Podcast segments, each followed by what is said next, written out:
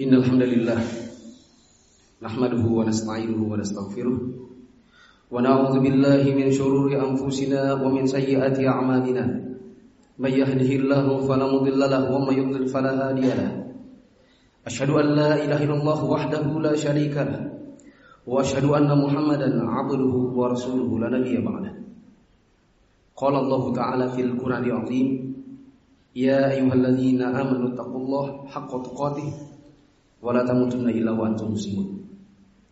Ya ayuhan nasu taqu rabbakumul ladzi khalaqakum min nafsin wahidah wa khalaqa minha zawjaha wa batha minhuma rijalan katsiran wa nisaa'a Wattaqullaha alladzi tasaaluna bihi wal arham. Innallaha kana 'alaikum raqiba. Ya ayyuhalladzina amanu taqullaha wa qulu qawlan sadida. Yuslih lakum a'malakum wa yaghfir lakum dhunubakum. ومن يطع الله ورسوله فقد فاز فوزا عظيما أما بعد فإن أصدق الحديث كتاب الله وخير الهدي هدي محمد صلى الله عليه وسلم وشر الأمور محدثاتها فإن كل محدثة بدعة وكل بدعة ضلالة وكل ضلالة في النار Jamaah salat Jumat yang Allah muliakan Saya awali khutbah pada hari ini dengan nasihat ketakwaan bagi diri saya pribadi dan bagi jamaah sekalian. Marilah kita senantiasa meningkatkan ketakwaan kita kepada Allah Subhanahu wa taala. Dengan cara mengerjakan apa-apa yang Allah Subhanahu wa taala perintahkan dan kita jauhi apa-apa yang Allah Subhanahu wa taala larang. Karena sesungguhnya ketakwaan dengan cara menjauhi apa yang Allah larang, mengerjakan apa yang Allah suruh, Sesungguhnya itu adalah untuk kebahagiaan kita sendiri di dunia maupun di akhirat nanti. Jamaah yang dirahmati Allah Subhanahu wa taala, sebelum saya masuk dalam khutbah saya, saya menasihatkan kepada antum semua, khususnya adik-adik anak-anak sekolah. Rasulullah sallallahu alaihi wasallam pernah mengatakan, "Man massa hasa faqad lagha." Dan Rasulullah sallallahu alaihi wasallam mengatakan, idza idza qulta li akhika wal khat wal khatib wal khatib yakhutub faqad laghawta idza qulta li akhika amsi wal imam yakhutub faqad laghawta ada-ada yang di sekolah yang di lantai dua yang di soft yang terbelakang. Perhatikan. Rasulullah wasallam pernah mengatakan bila kalian bermain-main dengan batu atau bermain-main dengan kelikir kerikil maka sesungguhnya sholat Jumat kalian sia-sia. Rasulullah Wasallam mengatakan dalam hadis yang lain, bila engkau mengatakan kepada temanmu, heh diam, pada saat imam sedang berkhutbah, sesungguhnya engkau telah berbuat sia-sia. Maka saya nasihatkan kepada teman-teman, khususnya anak-anak sekolah, baik yang di lantai satu maupun di lantai dua, jangan sampai khutbah Jumat ini tidak kalian dengarkan dan kalian berbicara, lalu kemudian Allah menghilangkan hak pahala kehadiran kalian di sholat Jumat ini menjadi sia-sia semuanya. Maka jangan berbicara. Jamaah yang dirahmati Allah Subhanahu wa taala, kita tahu bahwa puasa itu menghilangkan dosa. Kita berharap kita puasa Ramadan supaya dosa kita diampuni. Bahkan kita sudah hampir hafal ayat-ayatnya atau hadis-hadisnya. Karena penceramah tarawih senantiasa bilang Rasulullah sallallahu alaihi wasallam bersabda, "Man shoma Ramadhana imanan wa ihtisaban ghufira lahu ma taqaddama min dzambi." Barang siapa yang berpuasa di bulan Ramadan dengan keimanan dan mengharapkan akan pahala dari Allah, maka diampuni dosa-dosanya yang telah lalu. Hadis riwayat Bukhari Muslim kita hafal, bahkan mungkin nomor-nomornya dihafal. Hadis riwayat Bukhari nomor 38, hadis riwayat Muslim nomor 760. Tapi tahukah kita bahwa sesungguhnya bukan hadis itu saja yang Rasulullah bilang.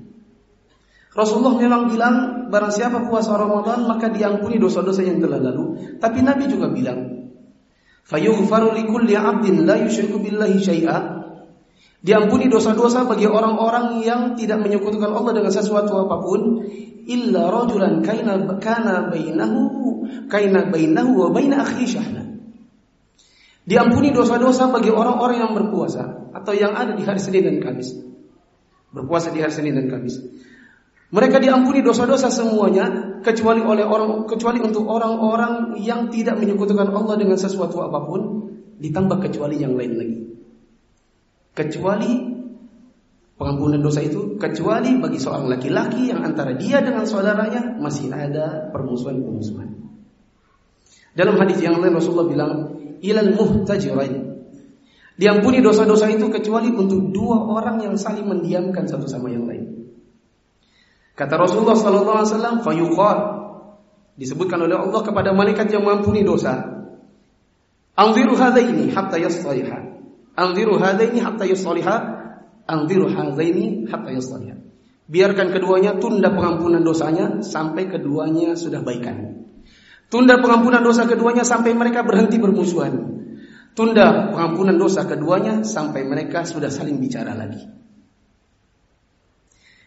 Jamaah salat pagi Allah, jamaah salat Jumat yang Allah muliakan. Ini menunjukkan bahwa memang puasa itu menghapuskan dosa. Tapi ada kecualinya lagi. Bagi orang-orang yang berpuasa tapi antara dia dengan saudaranya masih ada musuhannya.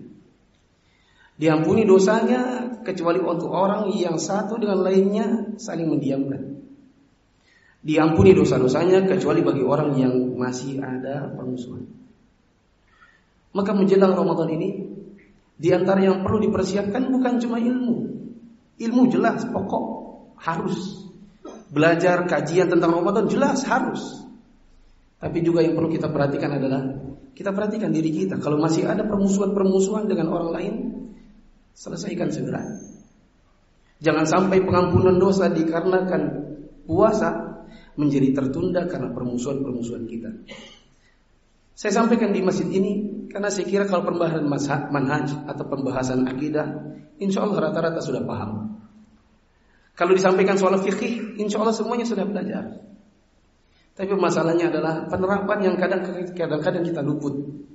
Ketika kita membiarkan diri kita dengan saudara kita masuk bulan Ramadan, tapi dua-duanya nggak pernah teguran. Bahkan kadang-kadang nanti ketemu di masjid satu dengan lainnya duduk sebelahan, tapi tidak teguran maka tidak akan diampuni dosanya atau diampuni tapi ditunda bagi orang-orang demikian. Wallahu a'lam bishawab. Aku qouli hadza wastaghfirullah li wa lakum wa lisal mu'minin innahu huwal ghafurur rahim.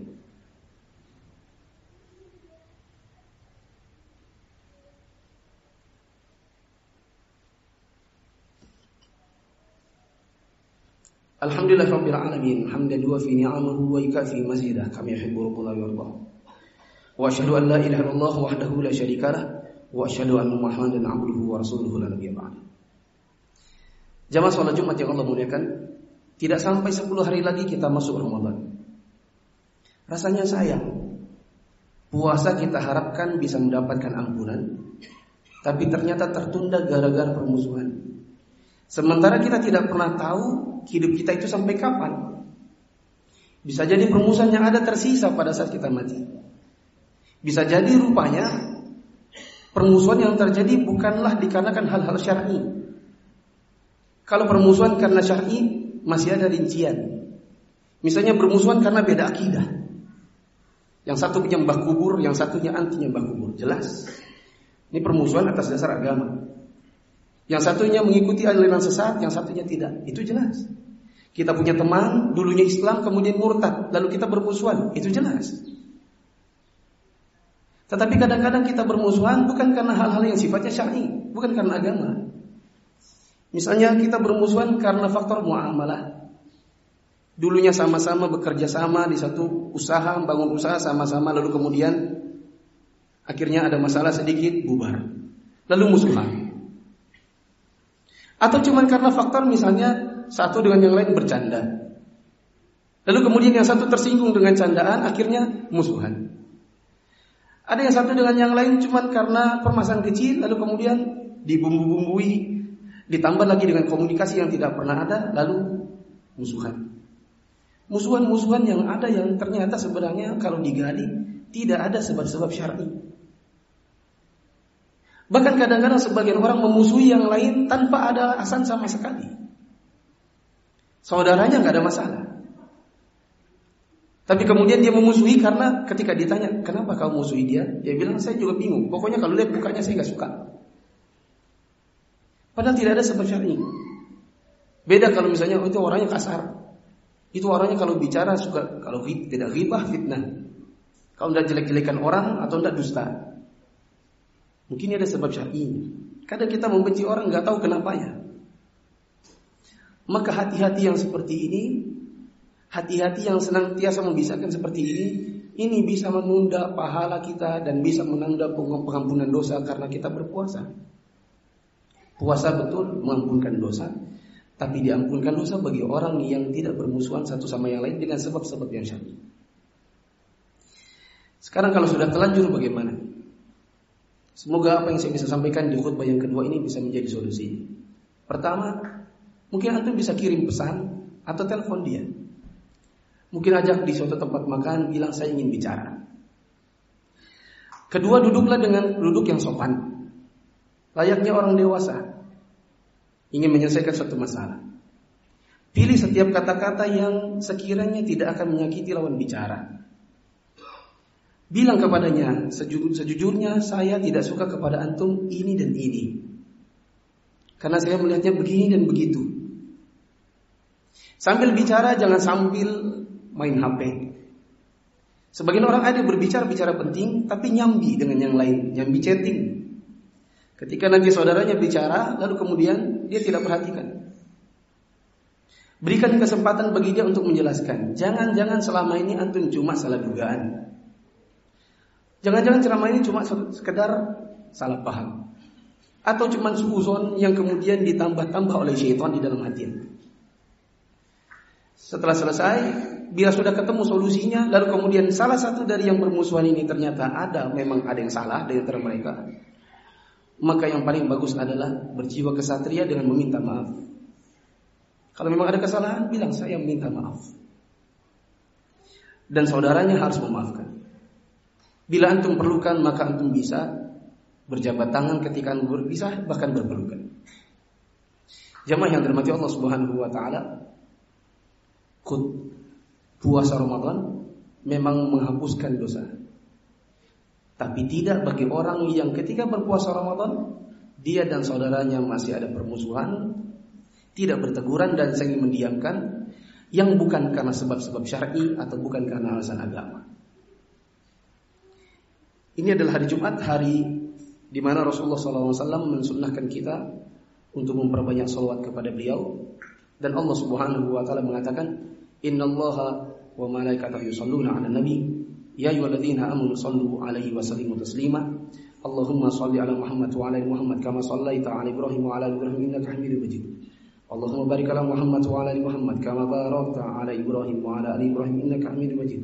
اللهم اغفر للمسلمين والمسلمات والمؤمنين والمؤمنات الأحياء منهم والأموات. إنك سميع قريب مجيب الدعوات يا قاضي الحاجات.